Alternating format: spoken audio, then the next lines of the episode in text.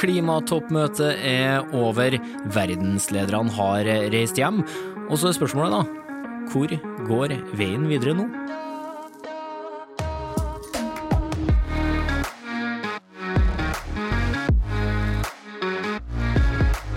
Du hører podkasten Smart forklart med Aksel Faanes Persson. Hjertelig velkommen til en ny episode av Smart forklart, podkasten fra oss i Sintef, der det i denne episoden handler om veien videre etter klimatoppmøtet i Glasgow. COP26, som det heter, det 26. klimatoppmøtet i rekka i regi av FN, der presidenter, statsministre og ledere fra hele verden var samla med mål om å ta felles grep da, for å redde kloden vår. Og I tillegg var det sånn superkjendiser da, som Obama der, Leonardo DiCaprio, Greta Thunberg, Bill Gates var observert, og Nils Røkke og Anne Stenstrup. ja da, våre egne folk. Nils, direktør for bærekraft i Sintef, da, og Anne, eh, kommunikasjonssjef i Sintef Energi. Velkommen til Smart forklart, da. Takk, takk. Hjem fra Skottland, det er godt å ha dere tilbake. Du, Det er jo liksom blanda meninger om det var en suksess eller ikke, det her klimatoppmøtet. Litt sånn alt ettersom hvem du spør. Eh, Nils, som bærekraftsdirektør, eh, hva, hva mener du? Jeg syns det er bra at vi faktisk fikk en avtale. Det er nesten utenkelig. Hva skulle vi gjort hvis vi ikke hadde en avtale? En del av det her handler om utsettelser. At land skal komme tilbake med forsterka bidrag da, neste år. Men jeg tenker at med det som har kommet av bidrag nå, mange land som sier at de skal nå netto null, ikke alle rundt 2050, men 2060 og 2070, så er vi på, på rett vei. Men det går for sakte, det er klart. De fleste av oss ser jo det her bare fra utsida, via nyhetssendinger og, og, på sosiale medier. og sånn. Hvordan var det å oppleve klimatoppmøtet fra innsida i Glasgow, da, Anne? Jo, det var jo veldig spesielt, og jeg føler at vi var veldig privilegerte som kunne være på innsida. Vi var på et område som heter såkalt blue zone, og der er jo politikerne også. Og, og, veldig mange av de, de tingene de gjør, er jo på en måte i lukka rom, i forhandlingsrom. Men likevel så møtte vi det, og vi kunne se dem. Vi var på et område som er sånn type paviljongområde, hvis du ser for deg nesten litt sånn messeområde. Eh, hvor vi var på paviljongen til Bellona sammen med andre norske aktører, sånn som Widerøe, Aker Horizon f.eks. Eh, og så var det ulike paviljonger fra veldig mange ulike land i verden. Eh, og, og, og, det var nordisk paviljong f.eks.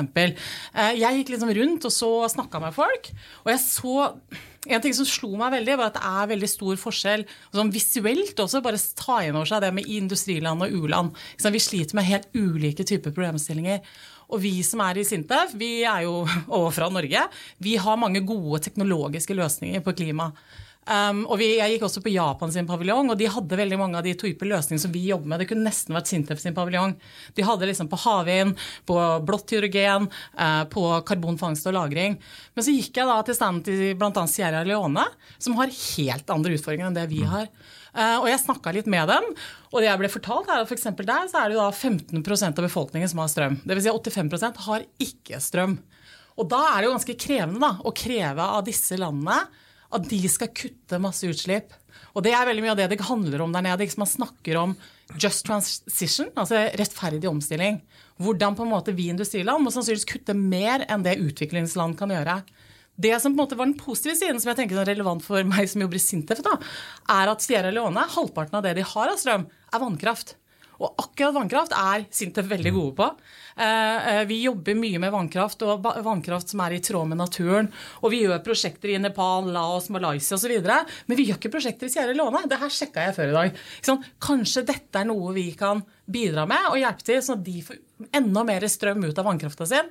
Uh, og det, ja, det var liksom et av liksom mitt hovedinntrykk etter det. At Jeg tenker at jeg brenner nå kanskje enda mer. det er litt sånn selvfølgelig på en måte at ja, selvfølgelig er det forskjell på industriland og u-land, men det ble veldig tydelig når jeg var der borte, at kanskje vi i større grad kan bidra på den sida også. Mm. Det var jo en del utenomsportslige ting som fikk oppmerksomhet i form av kjendiserier. da, altså Leonardo DiCaprio glimra jo med sitt, sitt maskekledde ansikt. Var det noen av dere som så han? Jeg så den ikke. Nei, jeg så ikke, men jeg, jeg la merke til at den gikk forbi eh, paviljongen vår, for at døra sto åpen, og det var flere damer som ramla på gulvet, la jeg merke til. Nei, jo, sånn helt helt sikkert. Så jeg hva skjer, ja? Så det, det var Leonardo DiCaprio som gikk forbi. Det var ikke meg, altså. Det var ikke deg, nei. nei, nei. Nei, nei, nei. Ja, men det er artig, men altså bare for å dra det inn i seriøsiteten igjen, altså det var jo, dere var jo ikke der på kjendisjakt. Eh, artig å ha sett dem, eh, men, men hvorfor var Sintef der? Altså, det er jo verdens viktigste møteplass for klima. Um, så Der finner man politikere, bedrifter, interesseorganisasjoner, vitenskapelige institusjoner, sånn som Sintef, uh, og også aktivister. Uh, og jeg tenker at Sintef vi er jo et uh, uavhengig forskningsinstitutt. Vi er såkalt not for profit. Dvs. Si at overskuddet vi har, det går inn til forskning. Uh, så vår på en måte, interesse av å være der er jo egentlig bare å vise de løsningene vi mener har et globalt potensial til å kutte klimagasser. Uh, og jeg tror at liksom, liksom, Med vår visjon 'teknologi for et bedre samfunn', så har vi teknologi som gjør verden litt bedre, altså teknologi som kan gjøre verden veldig mye bedre. Så på en måte vår eneste en måte, agenda å være der, er jo å snakke med folk. eh, Snakke med politikere, snakke med industri, og, og, og, og få økt potensialet for forskningen vår. eh, Og også potensialet, altså, øke, altså få mer utbredelse av forskningen vår global, det vi virkelig har trua på kan være med på å kutte klimagassutslipp. Så det er vår agenda å være der. Derfor må vi være der, for det er der verden er. Og vi skal være der verden er. Mm. Det var litt artig, ja, for at eh, du Nils, du var jo oppe og ga masse råd og sånn eh, foran eh, publikum. og Jeg vet ikke, hvordan, hvordan, for alle oss som ikke var her, hvilke råd ga du verden? Ja, vi, vi hadde jo flere arrangement, um, men kanskje et av de større foruten Klimafondet, som vi kan komme litt tilbake til kanskje, så, så hadde vi jo råd rundt det med Nordsjøen, uh, hvor vi har uh, på en måte tatt videre det som vi presenterte på Arendalsuka i år, og satt igjen med global, uh, et globalt perspektiv. Og Her har vi også fått noe uh, støtte fra viktige universitet og institutter rundt Nordsjøbassenget, rundt uh, tre råd. Og De er som følger, hvis du følger med. Én, uh, femdoble innsatsen innenfor forskning, utdanning og innovasjon. Innenfor det området som da går på det med Nordsjøen som plattform for, for grønn omstilling. Um, at nordsjølandene må samarbeide mer. og Her kommer vi inn på sånne energiøyer, hvordan vi kan ha økt produksjon av, av eh, kraft da, i Nordsjøen. Og hvordan vi kan gjøre det her også på en bærekraftig måte med olje og gass, med, med hydrogen, med hydrogen fra eh, flytende vind også. Og Det tredje er jo det her med eh, naturmangfold og bruk av areal. At det gjøres på naturen sine premisser. Så eh, hadde, Da hadde vi også klima- og miljøvernministeren der. Og Det var jo litt interessant. Han sa at ja, det her støtter jeg opp under. Eh, Det var veldig bra. Eh, Så da får vi se om femdoblinga kommer. da. Det ser ikke ut som den kommer i årets budsjett eller tilleggsproposisjon, men kanskje neste år. Eh, Men jeg, jeg tuller ikke. altså Dette er faktisk noe som vi, vi kommer til å jobbe videre med. For å få til et samarbeid mellom f.eks. Norge, Storbritannia, Danmark, Nederland, eh, Belgia.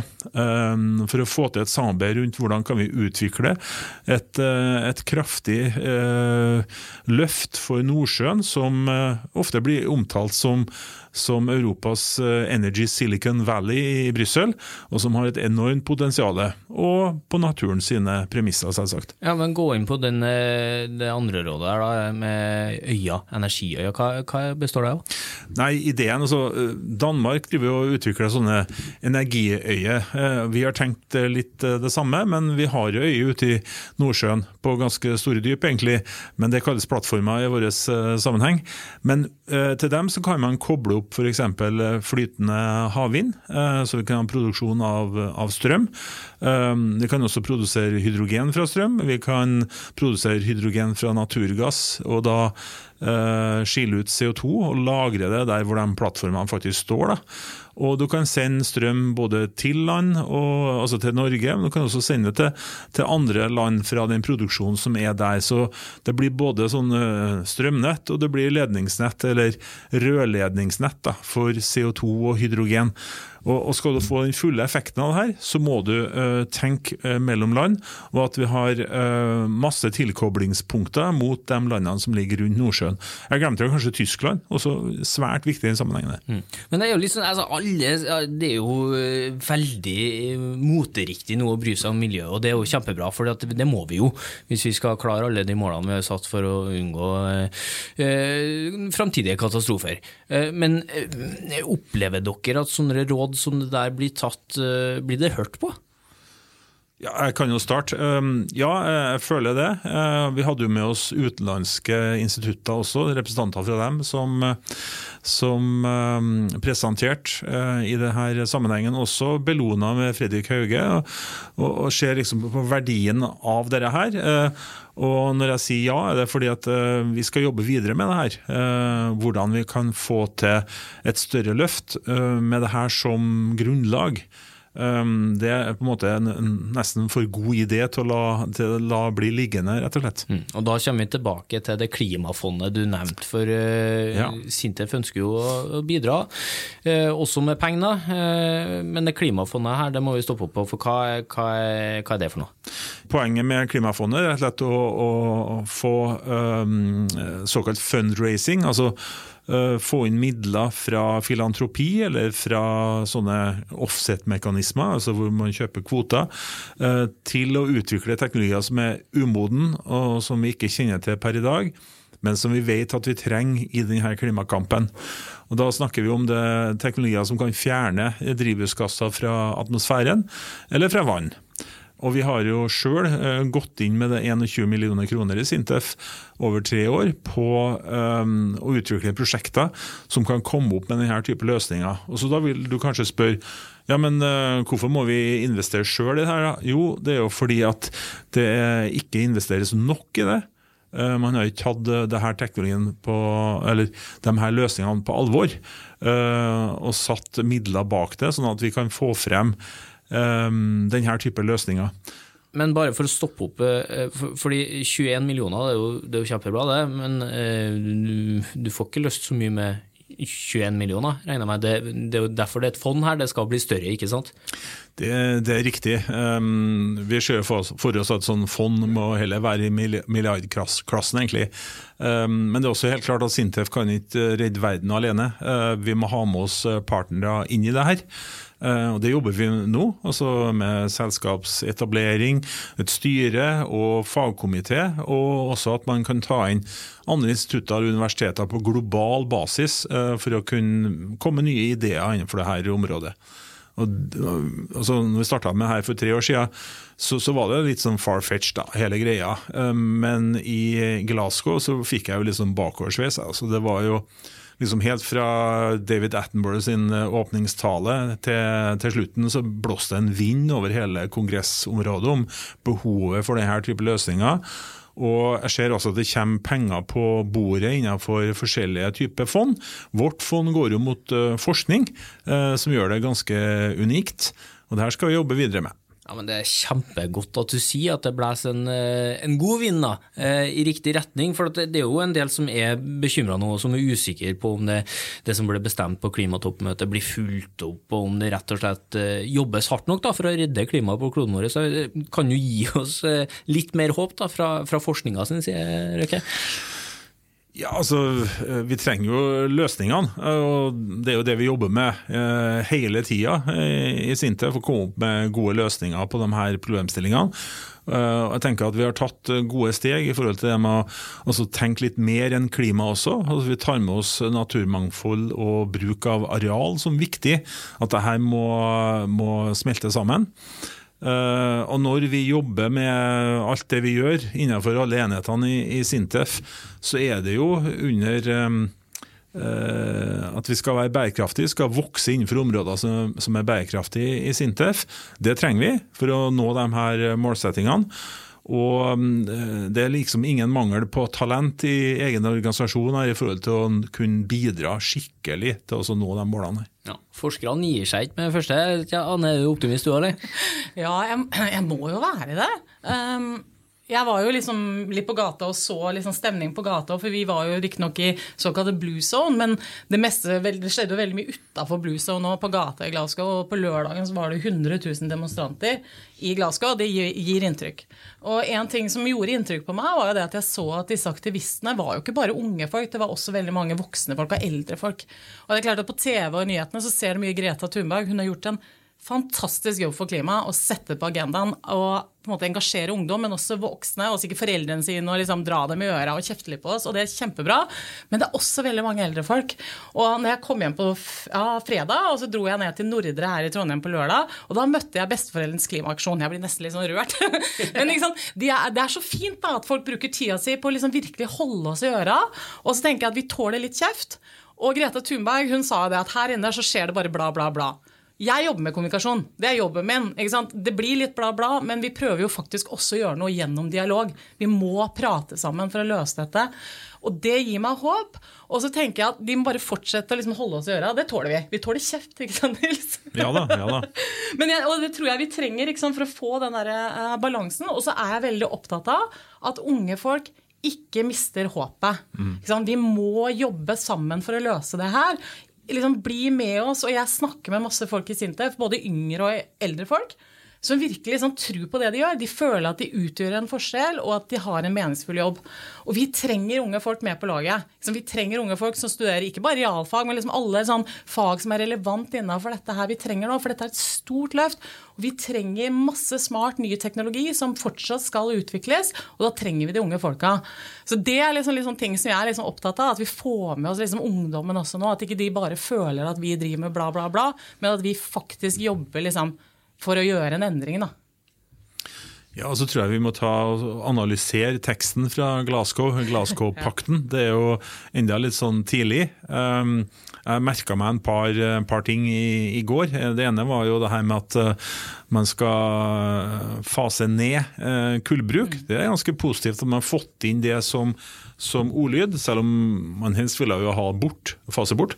Um, og så er det en interessant passus der også om det her med å avskaffe ineffektive uh, fossil brenselsubsidier. Mm. Så jeg lurer på hva er en effektiv eh, fossil brenselsubsidie? Uh, og Hva betyr det for forskninga, hva betyr det i forhold til forskningsfinansiering? Det er noe som jeg trenger å, å finne litt ut av, egentlig, og hvordan Norge kommer til å stille seg i forhold til det her. Ja, så tenker jeg, Nå er det slik at vi skal kutte er det 55% innen 2030. Det er ni år til. Ja? Og Da tenker jeg at da blir vel nesten hvert sånn klimatoppmøte viktig hvert år fremover.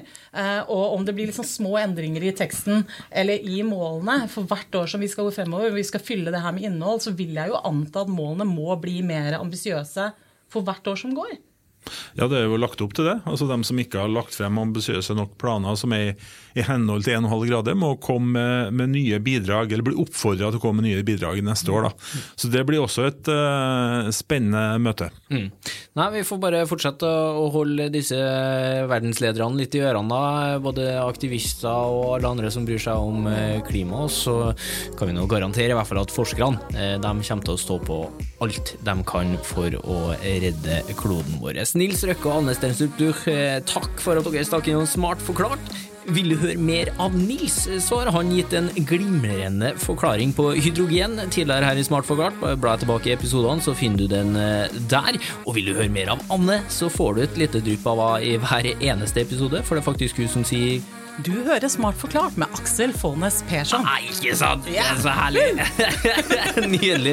Tusen takk for at dere kom innom, og takk for at du som hører på, eh, har valgt å høre på Smart forklart.